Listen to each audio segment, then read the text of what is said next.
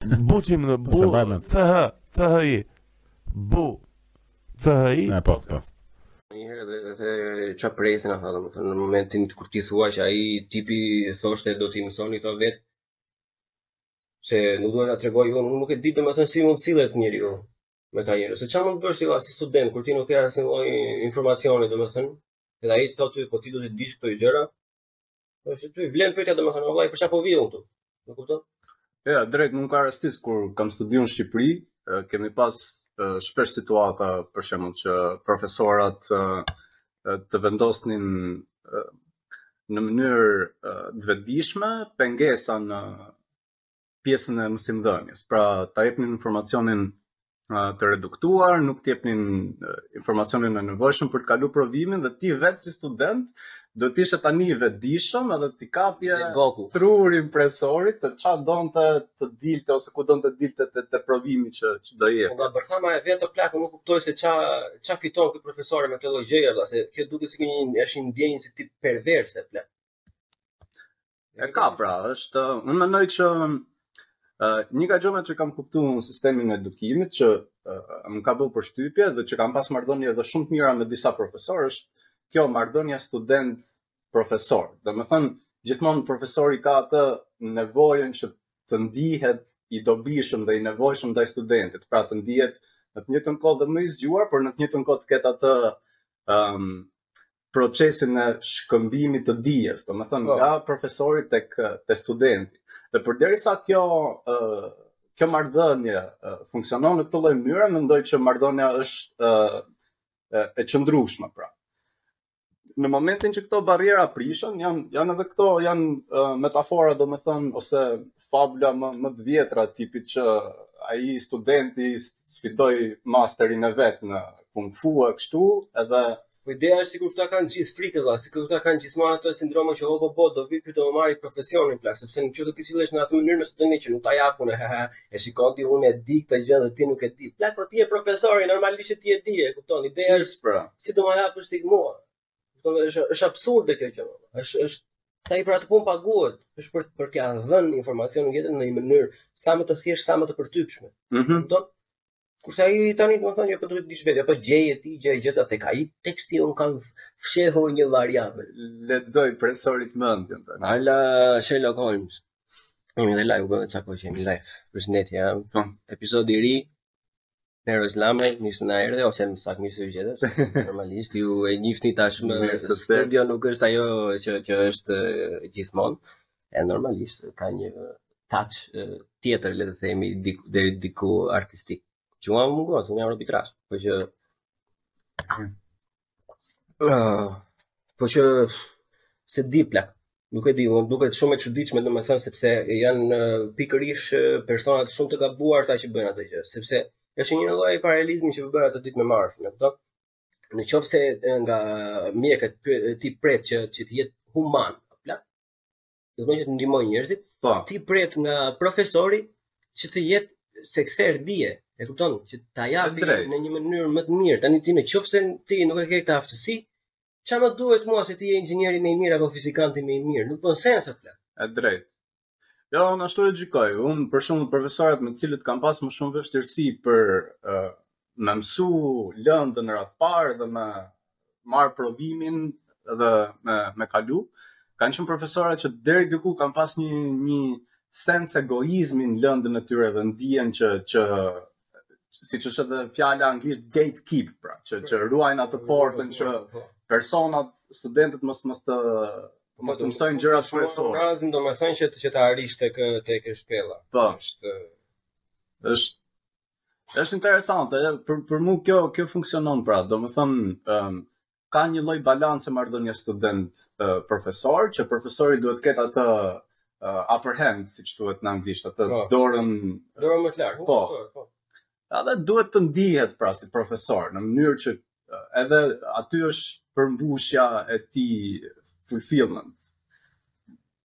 Në rregull, nuk ta kundërshtoj këtë pjesë. Ajo që kundërshtoj në, në të gjithë këtë këtë argument është fakti që, ok, ti e ke apo sepse ti e ke ça, kupton ti. Po, e drejtë. Përderisa e ke marrë atë post plak, aty nuk ta vë njeri në pyetje. Po ti duhet të jesh edhe gati kur do kesh një nga 100 student që do jetë PS, edhe do bëjë mm -hmm. pyetje të bukura, domethënë se pyetje që ty s'ta kishte bërë një student përpara, e ti duhet të jesh, duhet të kesh atë humility, atë përulësinë, në shqip e që, që ta pranosh si pyetje të mundohesh të japësh një një përgjigje ë sa më të mirë, domethënë një përgjigje që mund të jetë e përpunueshme. Mm -hmm. Kurse kam shumë raste, shumë anekdota që bëjnë pyetje dhe thonë që a tani kush e atë atë e di unë si Mato Gruda, e kupton të jetë me top, e kupton atë e di unë.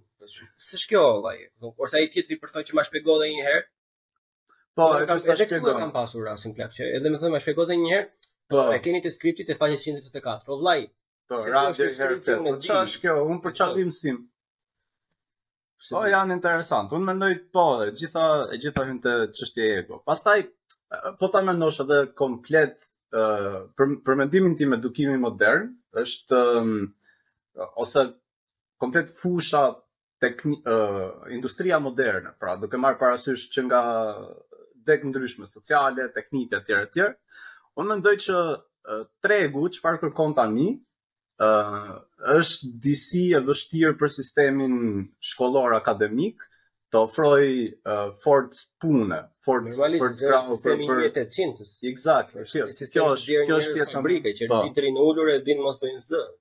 Po, kjo është pjesa për mendimin tim më më e çuditshme dhe një ë një intervistë që kam pa që më ka pëlqyer shumë ishte në lidhje me ë ndryshimin e edukimit, pra se ishte komplet në në pandemi kur ndodhi puna ndryshoi, edukimi ndryshoi, filluam punonim remote, pra studentët bënin provime në, në internet dhe u krijuan dhe platforma deri diku të tilla që ti atë që mund ta shpjegonte profesori me një PowerPoint ose me me një dërrasë të zezë, ti kishe një platformë tani që të ta ta të tregonte uh, mënyrën se si funksionon X gjë në lidhje me një lëndë. Edhe ok, gjithë përfundimi i intervistës është që uh, po sistemi i edukimit duhet të ndryshojë, pasi tregu çfarë kërkon, ky sistem edukimi që është tani nuk ia ofron dot. Por se si duhet të ndryshojë, kjo është deri po, diku e pa politikan që duhet të merren masa. Po. Duhet duhet të qeverisim më mirë. Po se si sa thot po, një. Po, kjo kjo është pjesa e vështirë. Pastaj un kam edhe një koncept, me thënë drejtën, edhe ti edhe un do kisha do më pëlqente ta diskutonim dhe bashkë. Kur kam pas fol me e, një shok që që kemi pas qenë atëherë në Shqipëri, po thonim lidhje me këtë edukimin ose çfarë po mëson ose çfarë po lexon, edhe dolëm përfundimin që komplet pjesa e edukimit tënd individual si person është shuma e të gjithë elementeve me të cilët ti ndërvepron. Pra, edukimi nuk është vetëm shkolla, pra është sa kurioz ti me je ti me lexu një artikull, sa kurioz je ti me dëgju se çfarë ka thënë X person lidhje me një temë. Dhe mua vetë që po bënim ne së bashku, mm. po pinim një cigare përpara, e kupton tash ti plako që e, shkolla në, në standardin tonë, në moshën tonë që jemi ne edhe ata që vinë pas nesh, shkolla as 50% e arsimit nuk është tashmë, sepse siç e the ti, ja, kë, kur ti do të të kemi të konkluzion. Ti po. vajte shkove në internet dhe more informacionin tënd në anglisht, se shqip nuk ishte apo unë apo tjetri tjetri domethënë. Po. Pse? sepse sistemi dhe kjo nuk është fatkeqësisht nuk është vetëm në Shqipëri, është edhe në shumë vende të tjera ose në pjesën më të madhe të vendeve, se sistemi e ka shumë vështirë të ecë përpara se sistemi është bërë për shumicën e njerëzve që do kenë një do jenë në punëra të mesme, ke parasysh do marrin profesion e tjetri tjetri. Mm -hmm. Edhe ai njeriu që ka kreativitet, për shembull që ti je shembull i mirë, për këtë nuk e gjen veten.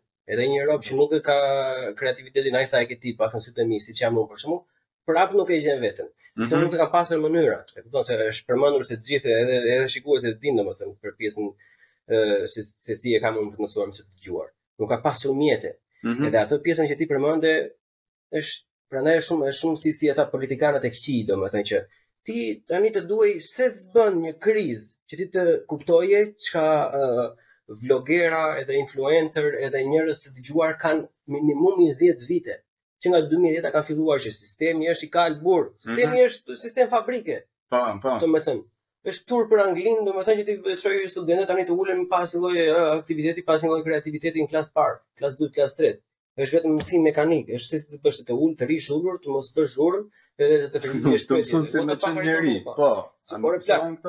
Ti ke fëmijët Është mosha që nuk rrinë dot ulur, ti i detyron ata të rrinë ulur. Po.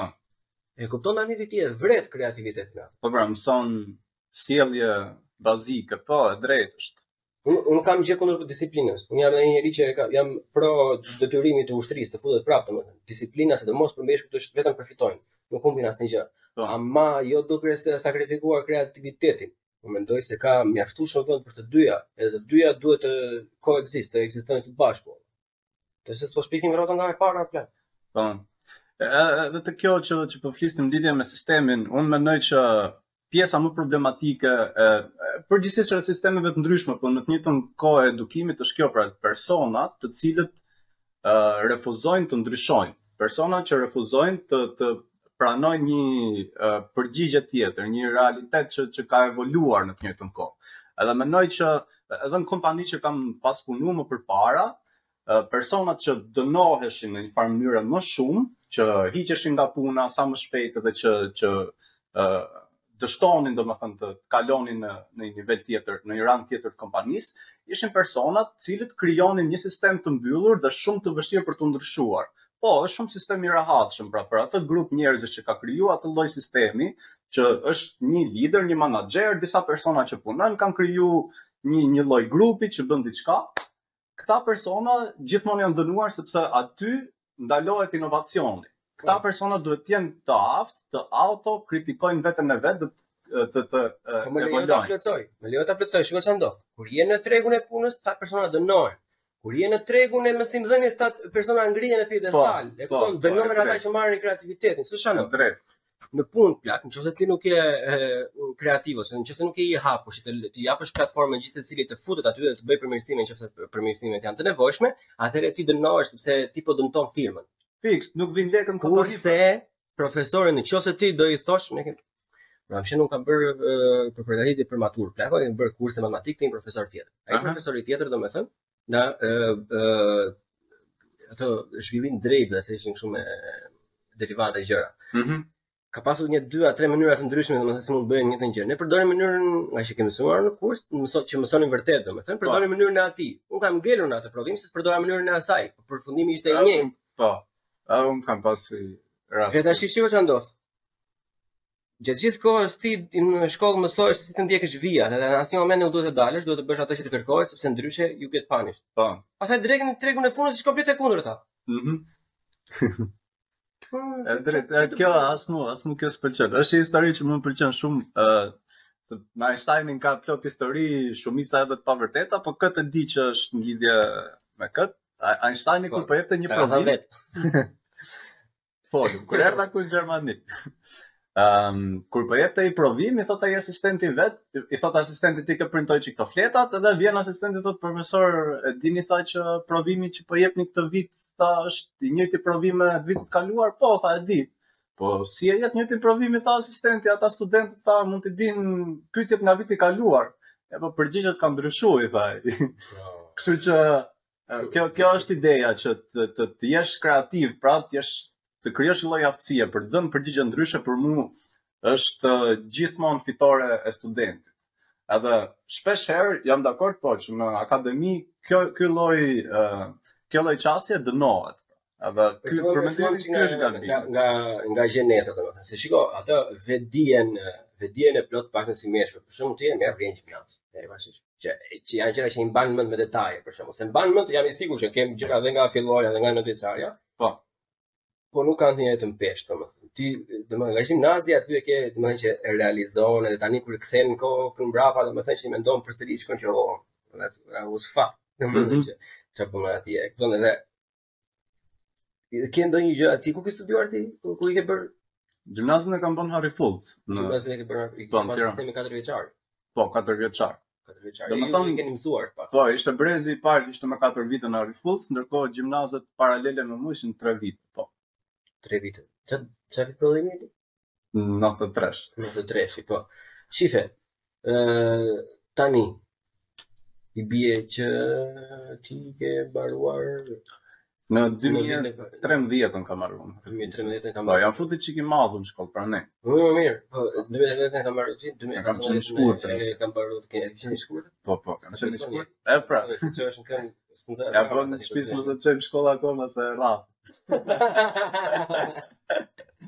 Hajde, hajde, kështu. përshëndesim shtëpi. Ça mban mend ti nga nga nga pjesa e gjimnazit plako. Harry Fultzi ka pas qenë super shkollë, më ka pas pëlqy shumë, të them të drejtën. Um, në Harry Fultz ne kemi pas... Unë gjithmonë Harry Fultzin e kam qujt banket. Ka qenë banket, sepse aty kisha uh, që te liria, domethënë, për me mos marrë pjesë në në një aktivitet edhe deri tek liria për të qenë pjesë e aktiviteteve që nuk ekzistonin në në në shkolla të tjera. Dhe kjo më pëlqente shumë. Edhe mënyra se si jepej mësimi dhe se si uh, ishin profesorat dhe zyshat, më pëlqente sepse ti mund të hapje tema dhe mund të diskutoje tema rreth çfarëdo lloj ide ose opinioni që ti mund të kishe. Dhe nuk kishte një lloj strukture të ëm um, ngurtësuar që këtu vendos unë, këtu them unë lënda e anglishtes për shembull mund të kthehej në një diskutim rreth ku ta di unë filozofisë, politikës, ngrohjes globale, lloj-lloj temash ose uh, lënda e qytetarisë, e historisë, që të gjitha, domethënë, që të gjithë profesorat kishin një lloj fleksibiliteti që mu më ka pëlqy shumë në, në, në marrëdhënie me, me, me profesorat. E njëjta gjë ndodh edhe me lëndët që ishin më teknike, se unë kam studiu inxhinieri elektronike atje. Edhe në lëndët më teknike, ti mund të diskutoje me profesorat në lidhje me zhvillimin e karrierës. Imagjino që një, një nxënës në në gjimnaz përgjithsisht është pak e vështirë për të konceptuar që çfarë do ti që të bësh. Se ka dëgjuar ndonjëherë po. si fjalë. Ata diskutonin për shembull filani që ka pas studiuar këtu, ka vajt në Gjermani, bën këtë, ka punuar këtu, një person tjetër ka vajt në Amerikë, punon të kjo kompani, ça është informatika, ça është elektronika, pse kjo të shërben. Edhe kjo për shembull mu më ka ndihmu jashtëzakonisht shumë, shumë në, në lidhje me Harry Fultzin. Gjë tjetër për shembull që më ka pëlqyer aty ka qenë edhe studentët, nxënësit kanë pas qenë deri diku më të përzgjedhur. Pra, kishte një që kam pas shoqëri shumë shumë të mirë. Mund mund të krijoje shoqëri me persona me të cilët mund të shkruaje gazetë. Mund shoq mund të krijoje shoqëri me persona që ë uh, ishin pjesë e një një elitë ndryshe nga ç'mund të kisha studiuar për shembull në Çajup, një një shkollë më që e kisha afër te lagjet. Po jo, po po dhe shkolla e gazetë të rrugë ka bënë kam qenë unë, ishte gejt, s'ka mundësi e kupton. Po e, e kam fjalën që kishte shumë aktivitete. Një gjë tjetër sillnin universitete nga Amerika, nga Europa që vinin edhe prezantonin universitetet në në Harry Fultz që bëhej panairi i universiteteve. Një një, Ose... shikoni ça bëhet e re, e që sa mbrapa janë shkollat publike shqiptare, jemi, që nuk jemi as në asnjë vend jemi. E, mbaj mend, për zotin, kur diskutoja nai herë me studentë që ishin në, në shkolla publike, nuk, domethënë, niveli i lirisë dhe i diskutimit ishte zero, zero, dhe që të gjithë vunin te provimet e tek, Harry Fultzi këto kishte shumë të mirë. Pastaj dhe librat ne i kishim anglisht, kurrikula ishte super. Për shembull, librat që ishin anglisht teknike kështu, mbaj mend fizika që kemi studiuar ne, kishte ca shembuj, domethënë ushtrimesh, komplet praktika. Kupton ti mësoje ato rregullin ligjin e parë, dytë të Newtonit, po e mësoje me aplikime praktike pra, me makina ecën rrugës, semafori, ndërsa kur vinim bënim provime që ishin lidhje me olimpiadë, ose matur, ishin ato ushtrime shumë shumë teorike, shumë të pakapshme deri diku. Domethënë, duhet bëhet si një lloj, duhet të mbyllet një lloj uh, hapsire, një gapi që ndodhej midis ushtrimit dhe njohurisë që ti ke si, si, si, si njeri. Sepse, uh, Sistemi në Shqipëri nuk i ofron mjetet njeriut. Po sistemi në Shqipëri është që edhe kjo shëmbëllehet te çdo gjë, si në politikë, si në familje, si në çdo gjë. Në Shqipëri ti duhet të jesh vetë zot vetë shkop, duhet të jesh një njeri që i bën gjitha. Ne po. nuk e pranojmë faktin që ti duhet t'i japësh mjetet dikujt, edhe me ato mjete ai duhet të japë detyrën që ti i ke dhënë. Jo. Pa. Po. Ne pretendojmë që ti t'i thuash diçka dhe ai vetë do ta qëmtojë atë do të nxjerrë të gjitha ato gjëra mirë mbas dhe pastaj të vejë aty. Se ça sensi ka kjo? Asnjë nuk e ka kuptuar akoma. Sepse nuk ka sens, e kupton. E thën e thën drejt, kjo nuk ka sens sepse ti kjo kjo është uh, humbje kohe. Ah, në qoftë se ti do të studioje matematikë, të bëheshe matematicien, të bëje dhe teori. Mm -hmm. Ë shumë gjë, matematika teori është në princip, po që ë Atëherë unë e kuptoj këtë. Vetëm po pra, atë. Kur je student gjimnazi ti ke nevojë për larmishmëri. Po bën ti këtë thellim inxhinierik domethënë. Mua as nuk më intereson se kush e ka bërë atë teoremë. Fare, fare, ore nuk nuk më intereson ah. fare. Asnjëherë nuk e kam menduar. Unë dua të di që si funksionon kjo gjë, ja? Si mund ta përdor unë? Edhe kur mund ta përdor? Mm -hmm. Kaq.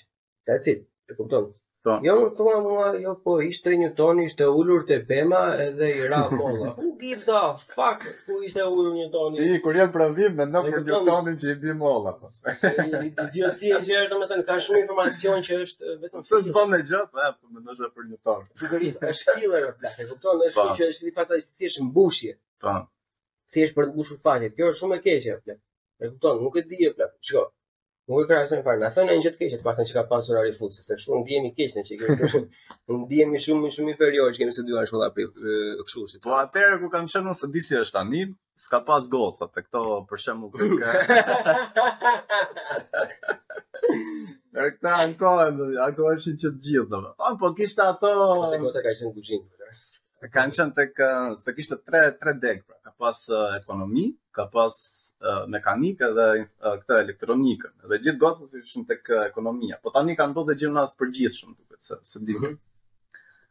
Po kjo që që ankoheshin që të gjithë. Po ka pas ca gjona interesante.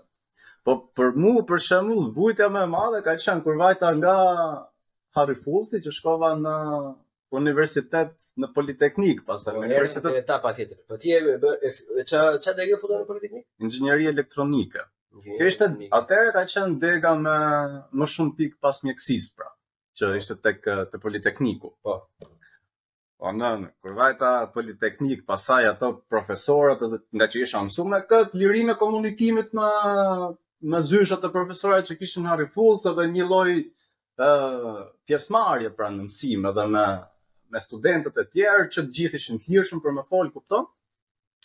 Kur vete pastaj në sistemin publik universitar, bachelor, që për mendimin tim, edhe me ça kam nëgju se masterin, kam ca shokë, domethënë që kam bërë masterin në... në politeknik edhe master ishte shumë i thjeshtë edhe më i lirshëm domethënë për, për studentin. Po bachelori ka pas qenë tmerr domethënë në marr me profesorët.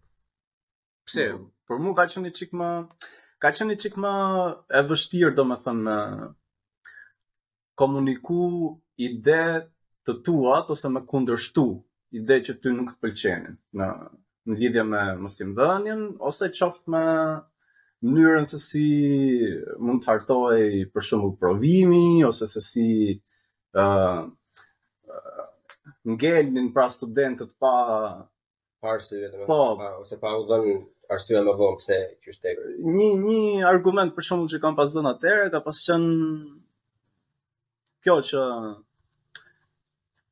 përderisa ishte dega me më shumë pikë pas mjekësisë, që këtu është ajka e arsimit të Shqipërisë, pra. E si ka mundësi që ne dështojmë?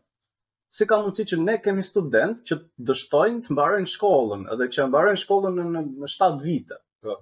ku ku qëndron problemi. Përderisa ne jemi me pikët më të larta, atëherë unë mendoj që kanë nuk qëndron problemi te gjithë studentët. Pra mendoj që është një lloj Jo, pa, atë, atë beso, shiko, uh, ajo është e gjitha ajo që thua që është këta sot, ku mësojnë këta sot, vlla, këta përtojnë, po, vlla, këta duan të ikin nëpër lokale, nëpër kafe, Idiotësira me brirë. Idiotësira me brirë, vlla. Dale, vlla, se këta që kanë studuar përpara, ça ka ishin gjithmonë për libra ata. Ata dilnin nga universiteti vinin bibliotekë ata. Po ik o burrë dhe tani se janë historira prralla me mbret, kështu se thjesht, ne jemi i vetmi popullë plak që njoh, domethënë që e, mundohemi të mbajmë anën e sistemit. Mundohemi të denigrojmë atë që vjen. Po. Underdogun e kemi, underdogun e kemi fix pra në sy ne. Ta, do ti fillon studion atë edhe e sfidon sistemin, domethënë jo jo, kush je ti vëlla, erdhe po, ti do na shkojë shumë bërë ti. Ndryshimin. Kush kjo më? Për shembull, më mend një rast që kemi pasur aty unë pa të keq, kishim një profesor që kishte studiu, kishte qenë në Amerikë që kishte studiu, e kishte ardhë këtu në Shqipëri e tha, se unë kam ardhë këtu në Shqipëri me shpresën për me bo diçka më ndryshe, me rregull, kjo ka qenë bachelor, pra, me, me bo diçka më të mirë, më ndryshe, po këtu s'bohet dhe unë pa të keq, e kuptoj thashë unë, po përsa po pse s'bohet, thashë unë ku qëndron problemi. Më pa mu kshu, tha, po ti me kë tallesh, më tha. S'po tallem burrë, i thashë, jam kurioz me e ditë, që ça shef ti që nuk shkon, pra.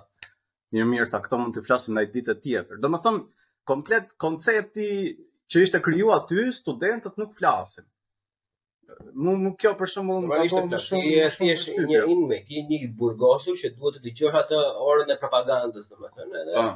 Edhe mbaroi. Po gjithsesi kishte edhe gjona të tjera shumë të mira për shembull. Uh, ato njohuritë uh, bazike ku ta di un të matematikës, telekomit e tjerë. Unë i kisha mësuar edhe në Harry Fultz, po në në universitet ishte shumë shumë e thelluar, në të njëjtën kohë shumë e vështirë. Për shembull, aty në universitet un kam mësu si njeri si me nejt ul tre vite me punu me gjona që ty s'të pëlqejnë edhe to succeed, me, me me dalë i suksesshëm, pra me e kalu. është, është një lloj... Um, Mirë, ka një farë lloj për parësia... E, jo, është kjo disiplina, pra, këtë disiplinë ta jep. Po Gjermani është... kanë zajnë mos abanishtë, do që mund të jetë, po nuk është nuk do të jetë domosdoshmërisht të plot. E drejtë.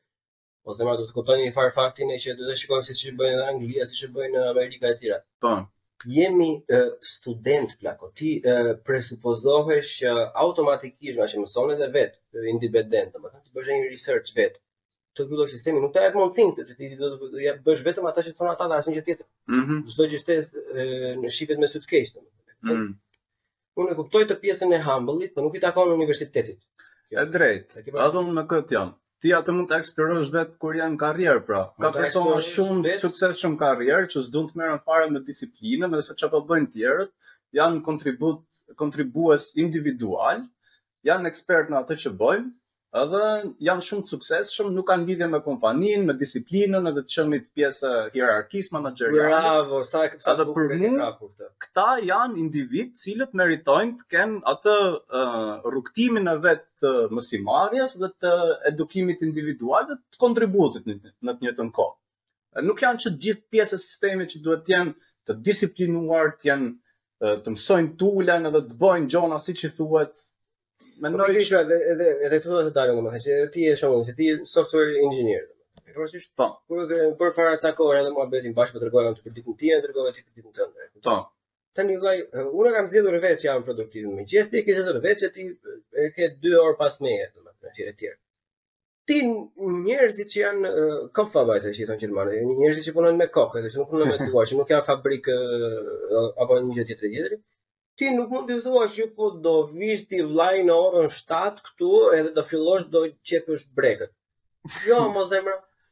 Jo, mo po. zemra se ti a, a, a, a kërkon produktin zotri i dashur. A kërkon produktin? çfarë të hyn ty në punë se unë e bëra këtë në mëngjes, e bëra në darkë apo e bëra natën se s'më zinte gjumi. Ke të drejtë.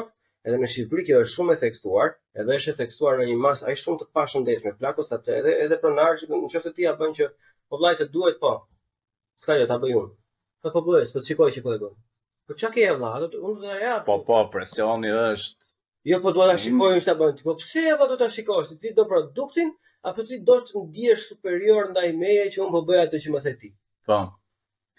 Po po, presioni në Shqipëri është uh, shumë shumë i lartë. Edhe ndonjëherë kur e mendoj për përfitimin që ka dhe për madhësinë e tregut që ka, presioni është uh, shumë i, i përshkallëzuar, pra ka ka një nivel shumë shumë më të lartë në krahasim me ça përfitime ka dhe ça kërkon tregu për perceptim nuk është se po shpik mënyra të reja të mënyrës se si funksionon ndërtimi ose marketingu ose inxhinieria janë janë të gatshme për janë shablon i ke janë janë gjëra të bëra a përdorimi është risia po përdorimi po e gjitha pastaj unë mendoj që kalon prapë te kjo te pjesa e egos dhe gatekeeping pra që këtu është ai sistemi i ngurtësuar që të lejon ty me ec përpara pra në edhe edhe në, në nivelin e punës pra që prandaj ushtrohet ky lloj presioni që të mbahen strukturat siç janë dhe mos të evoluojnë. Jemi në shiko kjo është një skllavopronari moderne, domethënë se normalisht një person që s'ka pasur asnjëherë të drejtë të flasë në orë të mësimit dhe nesër pasnesër nuk di të negociojë rrogën plak. Po po, ke të drejtë. Po. Nëse do të jap 10000 lekë ty, po puna jote bën 20.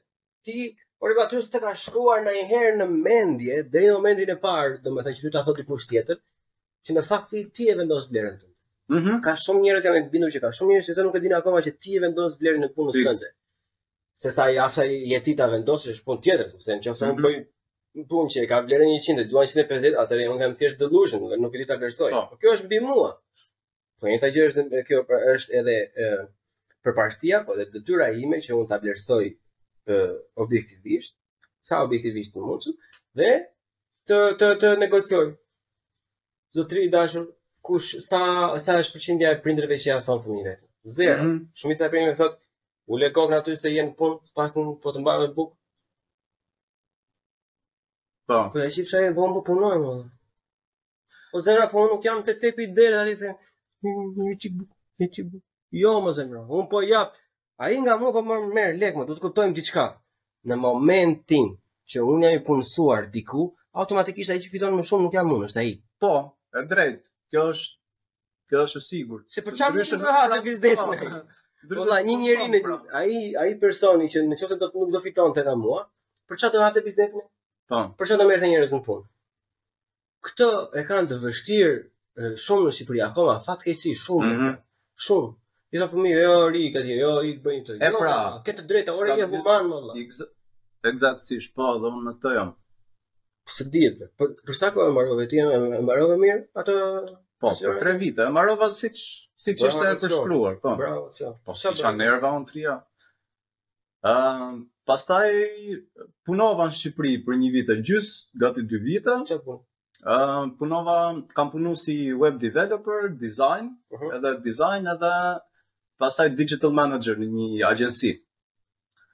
Ëm, po, puna në Shqipëri ka qenë interesante. Kam njoft ca njerëz për shembull që me të vërtetë kam krijuar marrëdhënie shumë të mira dhe më kanë pëlqy, kanë qenë ndikim shumë pozitiv për mua me me i pa gjonat me i sy tjetër në në jashtë tregut shqiptar në të njëjtën kohë, po ka pas edhe eksperienca të pakëndshme në të njëjtën kohë. Përgjithsisht ajo që kam vënë re un, Shqipëria vuan pak me menaxhimin e mirë të, të kohës, punonjësve, edhe të drejtimit pra. Ë uh, i shok që kam këtu italian ka thënë një gjo interesante që kur punonim kur punonim këtu te Zalandos ai s'është më, e bëni atje në Itali e tha, gjithë individët janë shumë më të zgjuar, janë shumë më kreativ, pra janë shumë kanë më shumë individualitet si persona. Po. Menaxherat tha pastaj janë shumë të, të vështirë për të për të punuar. Janë hekur thjesht, po, po. bime që kanë kot. Kurse këtu në Gjermani tha është e kundërta. Individi di të bëjë gjë, e bën mirë edhe aq. Menaxherat pastaj janë persona të cilët dinë ta orkestrojnë komplet këtë grupim njerëzish. Prandaj ne duhemi shumë. Unë mendoj që ne jemi tek pjesa e Italisë, pra nuk kemi një orkestrim të mirë edhe leadership që jo, mund ta të që tash është prandaj për shembull njerëz si si si unë edhe ti e gjejmë veten mirë këtu me këta menaxherë, ose këta mm. menaxherë arrin e kuptojnë se çfarë mendje kemi ne. E po. Edhe janë ja shiko, kudo që të jesh plako si shef, si si këto CEO, si menaxher i thjeshtë, domethënë këtu në Gjermani ngaqë kanë atë lloj kreativiteti që kanë shumë jo të gjithë. Mhm. Ëh, mm -hmm. kur marrin njerëz në punë që është eksperienca personale, për shembull, çdo punë që kanë bërë në industrinë time, është që në momentin e parë që ata shikojnë që dale vlla, ky paska ego, plak, e kupton? Unë i thash bëj 3, ky bëri 5 vlla. Pse i bëri pesë ky o vëlla? Ai gjermani thotë, "Mjaftojnë katër te ne." Mic drop. Po, po. Kupton, mbaroi. Mbaroi. Ky budallai është deri në orën 7. Çfarë bën ky deri në orën 7? Po, po, është i prikë. Ja, bien në dashuri me me me ty këta gjermanët, mos se nuk e dinë ata që ti ke ego personale që lufton po, diçka që ti nuk do që të jesh 15 vite këtu, ti do që të brenda 6-7 viteve të arrish diçka domethënë. Nuk janë mësuar me këtë faktin, edhe përputhen edhe e gjejnë veten domethënë. Prandaj ke edhe një vlerë të shtuar. E po diçka m'ka ndodhur i herë, më ka më ka çudit në fakt. Se në Shqipëri kur punonim ë te, te një nga këto punët pra që kam pas qenë që të gjithë gati shumica rrinin overtime, pra punonin pas pas orarit. A dhe unë kisha atë programin tim se jam pas marrë edhe me projekte ose më pëlqente me me dalë dhe isha pak më i ri në krahasim me me grupin tjetër. Gjithmonë tentoja të mbaroja në pesë gjys, kur e kishim orarin dhe gjithmonë e vija re që kishte një lloj presioni, pra po ti pse ikën para nesh kur ne rrim deri në tetë, a kupton? Sepse unë jam Nejse, e, ashtu ishte kriju komplet kultura atje. Unë jam vëllai që s'kam plan, kam bërë planin vëllai. Po. Ashtu rrinim pra, dhe mu kjo s'është se më pëlqente, po këtu këtu në Gjermani për shembull, ë uh, kur po flisnim në një takim, Edhe po i thoja atyre, oh, po se ç'pash të dielën, domethënë, studiova diçka dhe dola në këtë përfundim. Edhe kur më shkruan shefi veç, tha mos thuj më tha që ke punu jashtë orarit, tha, sepse nuk dua që të promovosh një lloj kulture që punojnë s'e të punojnë jashtë orarit. Çdo gjë duhet bë mrena atij orarit që është caktuar. Pra. Po. Ky ishte mesazhi që ne ti në qoftë se ke qejf ti mund të studiosh ça dush kur dush, a kupton? Por që të thosh që ke punu jashtë orarit nuk është mirë sepse duket sikur është e padrejtë pra për të tjerët që ti ti merr në një farë mënyre avantazh. Që është prap nga nga një anë është fakt apo, domethënë, ti thosh ti tregon në po. hej po shiko un po I'm putting value, domethënë, po, po vendos se po mbi vendos vlerë Më saktë të thotë që mos i bën të ndihen të tjerët. Unë mendoj se të dyja gjërat janë të gabuara, domethënë, që që ndodhin si në Shqipëri si këtu domethënë. Mm -hmm. E unë mendoj se në Shqipëri është e gabuar që ti ke presion të rrish kështu. Dale vëllai, sepse shiko, unë mendoj që më korrigjoni nëse kam gabim. Po. Shumica e atyre që rrinë më shumë në Shqipëri në punë nuk rrinë se është për shefin, është për shefin. Për shefin po. Kurse Këta që rrinë këtu, domethënë që vete ora 4 edhe kur ti rri më shumë, i vjen inat, se e kanë frikë se mos do mendojnë të tjerët edhe automatikisht do i vijë dhe atyre. Jo, plako, can you, can you just leave me be? Like, unë dua të bëj atë që që dua të bëj unë, plako. Po. Unë s'po të mbaj, unë s'po të them ty hajde rri ti me mua. Fiks. Ç'po të prish? Po, dakord jam. Ai thjesht e kishte me këtë sens. Dakord jam me ty. Po thjesht më pëlqeu shumë koncepti pra që mos e promovo. Edhe kjo mund deri diku, po, pra, do të thonë po. kush do që ta bëjë individualisht është okay, por ti mos e promovo sepse është ajo është gjë e mirë, normalisht. Po. Jo vetëm jo unë s'e shikoj për kundër kulturës. Ajo gjë që s'm pëlqen, nuk më pëlqen më kur ai e thotë kundër kulturës. Unë e shikoj ndryshe. Unë e shikoj mos e promovo sepse kjo është ideja jote. Po. Mm -hmm. Unë me këtë jam. Po. Kur në fillim fare kur kam filluar të punoj me Lucian tash normalisht ishte në hierarki më sipër kur kur e shikon në projekt. Kështu që përpara isha inxhinier i zbatimit. Por sa që jam big picture si domethënë i projektit gjithë, ti po, i big picture gjithë. Edhe kur hyra aty në fillim domethënë normalisht nuk kisha ego plak. Kupton, nuk kisha orarin deri në 4 domethënë. Po rrija deri në 7. për të shkruar orë se isha me orë atëherë akoma si isha fiks domethënë i shkruaja deri në 6 mm -hmm. nuk i shkruaja orë po se ishte një gjë që rrija vetë thjesht lexoja lexoja si janë formuluar kontratat lexoja si janë e, formuluar pozicionet që nesër pasnesër nëse do vinte diçka unë ta merrja e kupton mm -hmm. derisa arrita në një stadi që që i thoja që ok vi unë s'vi unë në punë unë do i shkruaj orë mm -hmm. atëherë si student i shkruaja shkruaja 20 orë Unë një or puno 3 me thon, njëzet e 3, mm -hmm. e ke parasysh. Ikja në orën 3 nga puna unë, pastaj në një ditë në darkën, të diel në darkën. Më kujtohesha futesha në shpi, e kupton, bam, bam, po, mbaroja. Po. Edhe si arrita, domethënë, arrita me, me atë faktin që shife. Unë i dhashë një farë inputi vetes, po unë bëra një investim, pa ditur në qoftë se do merrja, diçka mbrapsht, mm -hmm. derisa arrita një lloj standardi. Prapë që unë e arrita atë standardin, pastaj në bindjet e mia, unë të them ty që ti nuk më pyet mua dot më se kur vij unë në punë, kur iki nga puna, ti më them ti do më thuash mua, vetëm se çfarë të duhet. Po pra. Edhe është puna ime se kur ta bëj unë. Fiks. E ke parasysh? Po. Ose dhe bie dakord me një lloj timeline, me deadline. Edhe ata ishin, atyre në fillim s'i pëlqeu,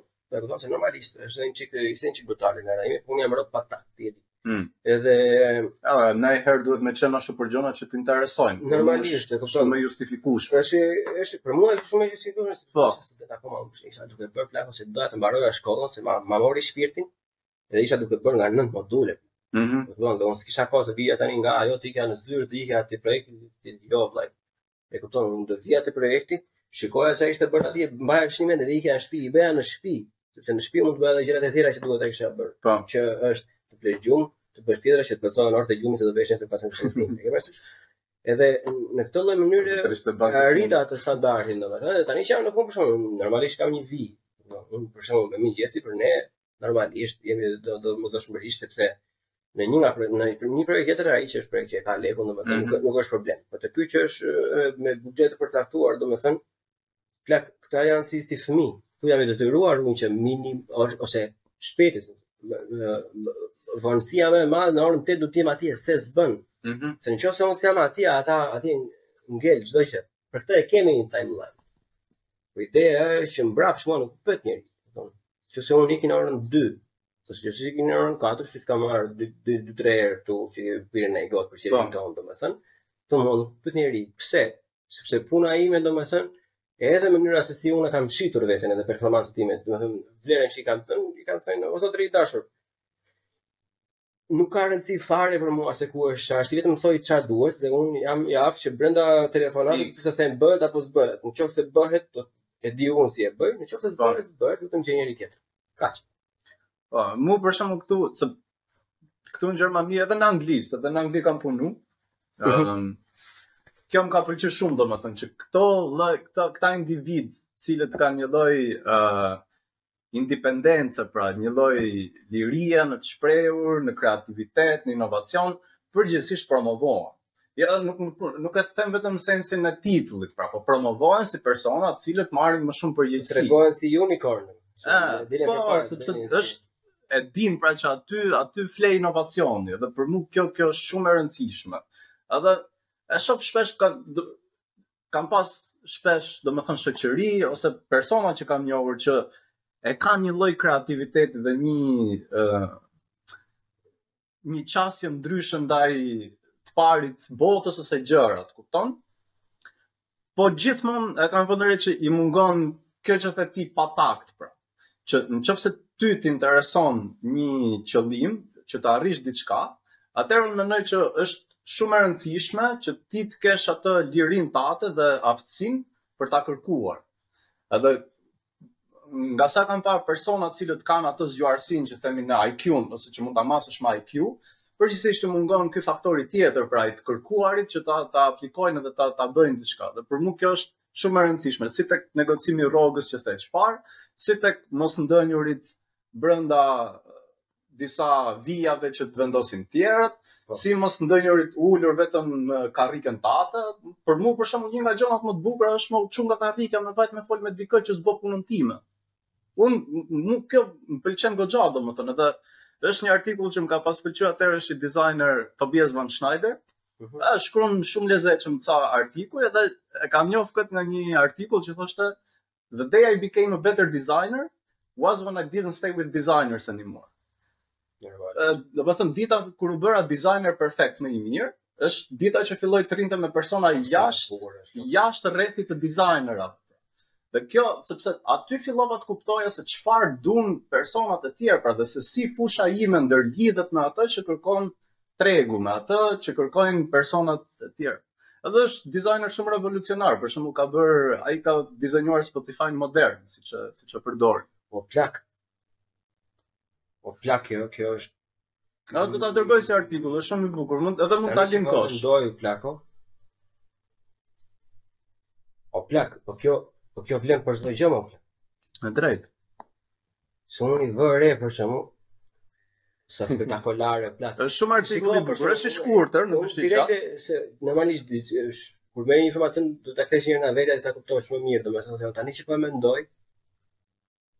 Po plako, shumë gjëra që që që i përdor tek puna ime, domethënë nuk i kam mësuar nga inxhinier. Unë mendoj se është shumë shumë i mirë i kësaj, duke marrë parasysh profesionin që ke, po edhe çfarë ofron për, për publikun edhe kuriozitetin që ke. Mendoj që të jep një artileri, nëse mund ta quajmë një, një arsenal që je.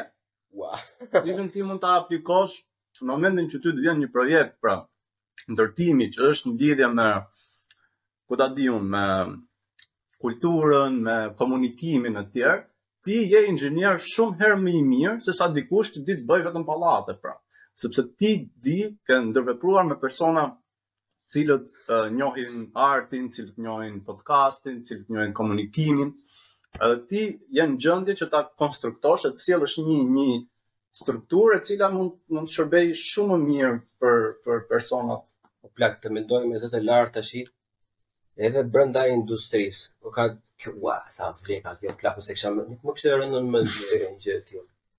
Na është më se kaq kaq sot. Unë edhe brenda industrisë, për shembull, kur kam filluar të punoj brenda industrisë, nuk kam shumë rrallë kam ndenjur me inxhinierët e tjerë. Zakonisht kam ndenjur me ato format, me me teknikët, me punëtorët e thjeshtë, domethënë. Mm -hmm. Babi më thoshte gjatë gjithë kohës, pra që babi ka qenë usta, mjeshtër ndërtimi, domethënë i ka marrë projektet nga dhe i ka nxjerrë të mbaruara vetë. Edhe më thoshte, më jepte këshilla që duhet si me punëtorët dhe sillesh kështu, ka atje, ka këtë, shiko se ka halle, ka qera, pastaj edhe kur kam filluar jam përfshirë me arkitektët edhe e shikoj atë këndvështrimin e tyre, Pastaj me këto të elektrikës, domethënë me këto që bëjnë jo sisteme ajrimi që i ka komplekse të tjera që si mendojnë ata, ose me muzikantë, me artista, domethënë. E tani që po mendoj, shumë gjëra që unë përdor në përditshmëri, për shembull, sidomos, a, kur kemi negociata, për shembull, kur kemi, mm. kemi meeting të mëdha që janë thjesht, ajo është battlefield, domethënë. Edhe tani që mendoj, asnjë gjë nga ato që un bëj atje, domethënë nuk vjen nga ajo që ndonjë inxhinier, po vjen nga njerëz të tjerë që më ka thënë dikur në një vend diçka, domethënë dhe un e kam të ngulitur diku dhe e përdor ashtu siç më intereson mua ta përdor po, për po. momentin. Ja, po dhe e ka thënë Bill Burr, that's why you need to hang out with everybody. Eh, jo, Bill është shumë interesant, më pëlqen goxha. Do vetëm. Në 6 shtator është. Me vërtet, e di, do shkosh. Po, po, Okej, mirë, do ta blej dhe unë pra. Blie, blie. Okej, super. Po, po, po. S'do diskutoj. Po, e, e di ku e kam kuptu tjetër këtë konceptin e kësaj, pra rounded knowledge, si, si i thuhet në, në anglisht, njohuri gjithanshme pra, po. po.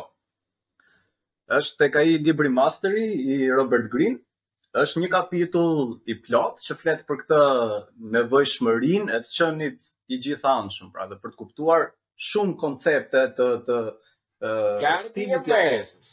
Edhe gëzuar. Ti më vjen shpejt. Edhe më pëlqen shumë që është gota është gota me vrimë, është gota me vrimë. Ëm edhe më pëlqen shumë se te i gjithë kapitulli, shumica e kapitullit fokusohet tek um, Leonardo da Vinci pra. Edhe shpjegon pse është e rëndësishme kjo gjithanshmëria e njohurisë tek një individ, po që më pëlqen se e merr shumë shpesh si shembull Leonardo da Vinci që për shembull ka dhënë konceptin e parë të biçikletës ose helikopterit dhe në të njëjtën kohë ka bërë Mona Lisën dhe kjo me mu ka klik në një farë mënyre që një person që është kurioz mjaftueshëm për të kuptuar aspekte të ndryshme që që të jetës që e rrethojnë, atëherë ë me action duke vepruar mbi këto njohuri që ka, atëherë mund të sjelli në fryte shumë shumë interesante në jetë pra. Edhe unë gjithmonë kam qenë domethën dashës i kësaj edhe kuriozitetit në në në tërësi ndaj ë uh, Po se ka vënë tema dhe të ndryshme. Dhe je je i lexuar domethënë në në tema të ndryshme, jo jo të mos dëshmëritë ato që kanë të bëjnë me paratë. Ajo që më interesonte mua plako është ajo që e diskutuam deri në fund bashkarisht për shefin ton, duke pirë po edhe pjesa e artit plak. Ajo që ajo që bën ti. Ton. Të fillojmë të prezantojmë që është gjë e bukur, ka për mua, nëse ka ka shumë tregun shqiptar të themi. Po mos ka s'ka fare, po nuk e di, se nuk di që të them që ka apo s'ka. Edhe duke me qenë se sa klasicist jam unë domethënë dhe, dhe, dhe sa old school jam për sa i përket artit domethënë edhe unë arrita që u binda domethënë që Unë mendoj se është standard i lartë, jo, jo, jo për të mburrur veten time, po që mendoj se është standard i lartë sepse jo se unë jam artist, no. As kritik arti nuk jam. po kam disa vija të trasha, domethënë që e kuptoj se duhet diçka duhet të plotësojë një farë mm -hmm. disa lloje kriteresh që të futet domethënë dhe mbas shpjegimit ose mbas shpjegimit, se shpjegim arti s'duhet shpjegohet, mbas uh, prezantimit të mirëfilltë, domethënë atëherë e kuptova çfarë është kjo që bën ti apo. Po edhe më saktë, para se të bësh që para se pasi ta thuash që çfarë është, pse e bën? Ja, jo, është pyetje shumë interesante. Um, po, ok, më përshkru pak artin, se as unë s'jam kritik arti, por që ajo që më pëlqen më shumë dhe vlerësoj, uh, është kjo pra, që njeriu duhet të jetë i aftë, t'i ofrojë vetes mundësi për të ndërvepruar me elemente, me aspekte të ndryshme të jetës, të cilat ai është kurioz. për për të ndërvepruar me. Edhe në këtë rast mund të jetë ë në rastin tim është arti vizual. Edhe në të njëjtën kohë ndërthuret me me kodin, me ë pra unë bëj generative art, pra, që mund të shkruaj një algoritëm në JavaScript ose në Python ose në C Uh, dhe ky algoritëm pastaj mund të gjenerojë art të pafundëm, pra konceptualisht, që vetëm nëpërmjet um, uh, limiteve dhe logjikës që mund të shkruaj unë në algoritëm, Ky algoritëm mund të gjenerojë një pafundësi versionesh të atij uh, vizuali që unë jam përpjekur të përshkruaj në kod. Ë uh, meqë pyetën nuk njeh shqiptar tjetër, unë të paktën njoh vetëm një shqiptar tjetër, Doruntin Koçin, e përshëndesim. Është edhe ai bën shumë art interesant në subscribe lidhje me post edhe shpërndajë edhe do ta shpërndajë këtë Doruntin. Do të bëjmë një podcast, jemi do të bëjmë podcast.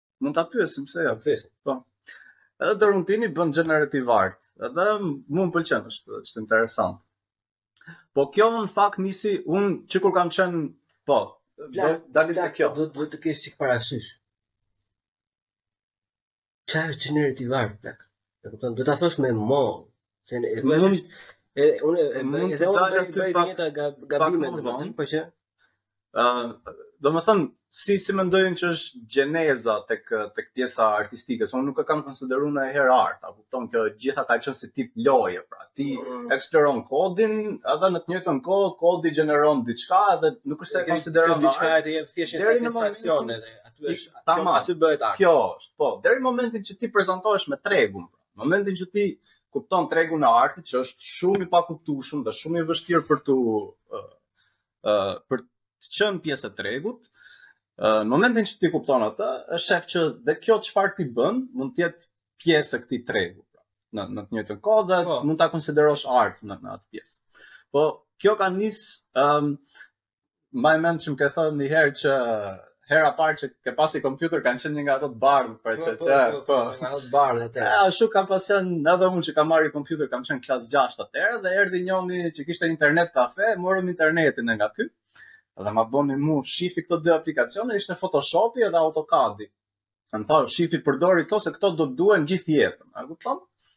Edhe e hapa i herë unë, ku klasë e gjashtë më burë, ku, ku dija unë të jetë lia dhumë, fix, po.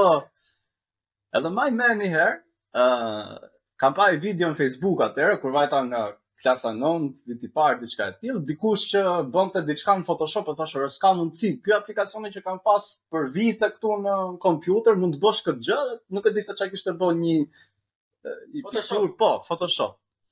Edhe jam përpjek me e bo, kam nejt 5 dit, 6 dit, veç për ta bo siç e kishte bo ai. Dhe në ato 5-6 dit, për të kopju, se ça kishte bërë dikush tjetër, kam msu aq shumë gjona rreth programit, saqë nuk mund t'i mësoja dot me, nuk e di, por po që më ndihmoi goxha. Dhe aty fillova pastaj të eksploroja këtë pjesën vizuale, dhe e përmendëm dhe fullësin që parë, kishte shumë hapsira, domethënë me bo, postera për evente dhe këtu fillon të jesh edhe pjesë e një rrjeti. Dikush mund të kërkonte për shembull me i bo një uh, logo, dikush mund të kërkonte dhe fillon bëhet si mënyrë përfitimi pra. Duke qenë gjimnazist, duke fitu lek nga diçka që ti thjesht po e mëson në të njëjtën kohë. Kjo ishte shumë eksplorim interesant për mua në lidhje me ndërveprimin vizual dhe të krijuarit elemente vizuale. Pastaj edhe rrjeti, duke njohur persona të tjerë që bëjnë të njëjtën gjë, fillon e flet, jo një i afërm, një shok, një mik, edhe fillon edhe mëson elemente të tjera plus të, të kësaj fushe. Po në të njëjtën kohë kisha studiuar dhe inxhinieri elektronike, edhe uh, isha fokusuar te pjesa e software-it për disa vite, edhe kur shkova pastaj në Angli ishte komplet investim në në pjesën e software-it dhe në engineering dhe e kisha lënë pak pas dore këtë pjesën vizuale, po. nuk isha marrë më. Deri momentin që shof në në Amsterdam, ishte dikush që jepte një workshop code art. Edhe unë me vete isha që ça është kod art, a kupton? Unë e di se ça është vizuali, po e di se ça është kodi, po për mu këto nuk ngjisin, pra nuk Po pra, how, uh, si, si, how do you connect the dots? Po kështu unë ndjeva dhe unë herën e parë që ti ma the këtë. Edhe pastaj kur shkova tek ky workshopi, ë uh, ai ka thënë vetëm një fjali aty nga gjithë workshopi që ishte shumë helpful, shumë shumë interesant. Domethënë një fjali tha që uh, më ngeli me mua. E tha se juve kur përdorni ato programet e Photoshopit e kështu, ai mbrapa është kod tha. Kur ti shtyp një buton, ekzekutohet një funksion. Po. Edhe ti këtë funksionin tani mund ta shkruash vet, edhe mund ta shkruash si dush ti. Jo siç e ka programuar ai personi që punon te Adobe për po, kur ti po shtyp butonin, kupton? Edhe këtë ka të mirë pra pjesa e artit gjenerativ, sepse ti në të njëjtën kohë kur shkruan një algoritëm, ti ndërton një mini aplikacion pa pa butona, domethënë që të gjeneron një një një artwork të caktuar. Pra mund të shkruash një algoritëm, se rasti konkret i, i këtij artworkut që që e kam bo vet, mund ta shfaqësh aty. Domethënë kjo uh, mund të krijosh për shembull rrathë që kanë një lloj gradienti në në vetvete gradient po. angular. Edhe këtu mund të replikosh gjëra të ndryshme për buçin këtu. Edhe një për të studiot e shtëpia.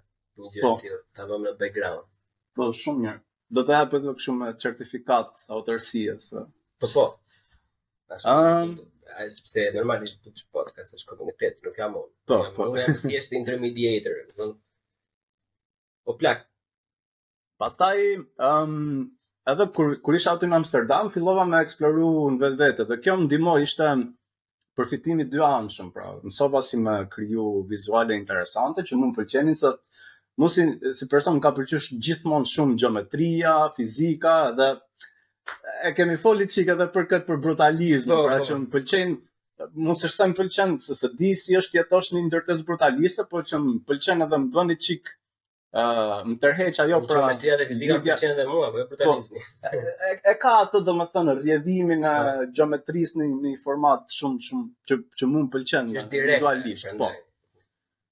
ë uh, Edhe duke eksploru kodin lidhur me me artin, ishte kjo pasaj bumi i NFT-ve, edhe pas që shumë persona kishin fillu me uh, shit NFT të artit gjenerativ, Edhe këtu vendosa me i bë publike disa uh, punë artistike që kisha bë deri në atë pikë, fillova pasaj duke eksploru mënyra tjera për me, me bë kod, edhe derisa kemi arritë këtë pikën që kam kriju këtë biznesin e Generative Fine Art Prints.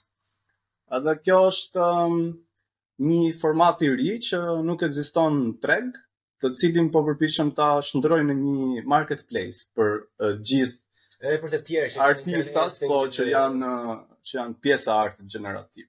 I, i gjithë koncepti i i platformës, pra i biznesit është që uh, ti si klient mund të zgjedhësh një algoritëm edhe ti mund ta gjenerosh vetë nëpërmjet algoritmit të gjenerosh uh, artworkun që edhe duke gjeneruar ti mund të zgjedhësh atë versionin që ty të pëlqen më shumë. Edhe mund mund të blesh uh, në në përmasa të caktuara siç e vendos vetë artisti dhe ty kjo të vjen në një printim fine art që përdoret në muze me një certifikatë autorësie Edhe kjo bëhet pjesë e portfolios tënd si koleksionues arti, pra duke marrë parasysh që artisti mos do të kesh do domosdoshmërisht dhe koleksionist, mund të kesh diçka që e bën të drejtë. Por po. do të futesh në një banesë të re, nëse kjo gjë të pëlqen. Po. Mua më pëlqen për shembull, po. Me gjithë po. nuk jam shumë te rrethi, unë kam qejf rrethi, unë kam shumë qejf katror. Kjo është një version katror. E duhet të shkosh ta gjenerosh. E di, po, shikoni, do t'i vëmë që ta dini ju të gjithë njerëz që ta keni parasysh që edhe për ata që s'rrinë deri në fund të episodit.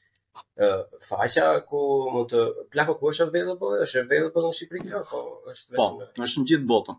Kjo është e gatshme në të gjithë botën që mund të porosisni, mund të gjeneroni artin tuaj, domethënë unë kam e kam klikuar një dy herë vetë, është shumë fani, është edhe procesi është shumë i bukur në fakt, por uh, ideja është është një çik për njerëzit që puna ime që duan shumë, është çik e vështirë të vendosësh se dalin një shumë gjëra të bukura në njëjtën kohë, edhe ke shumë vështirë të vendosësh, edhe nuk ke shumë mure në shtëpi sa të vendosësh gjithë ato.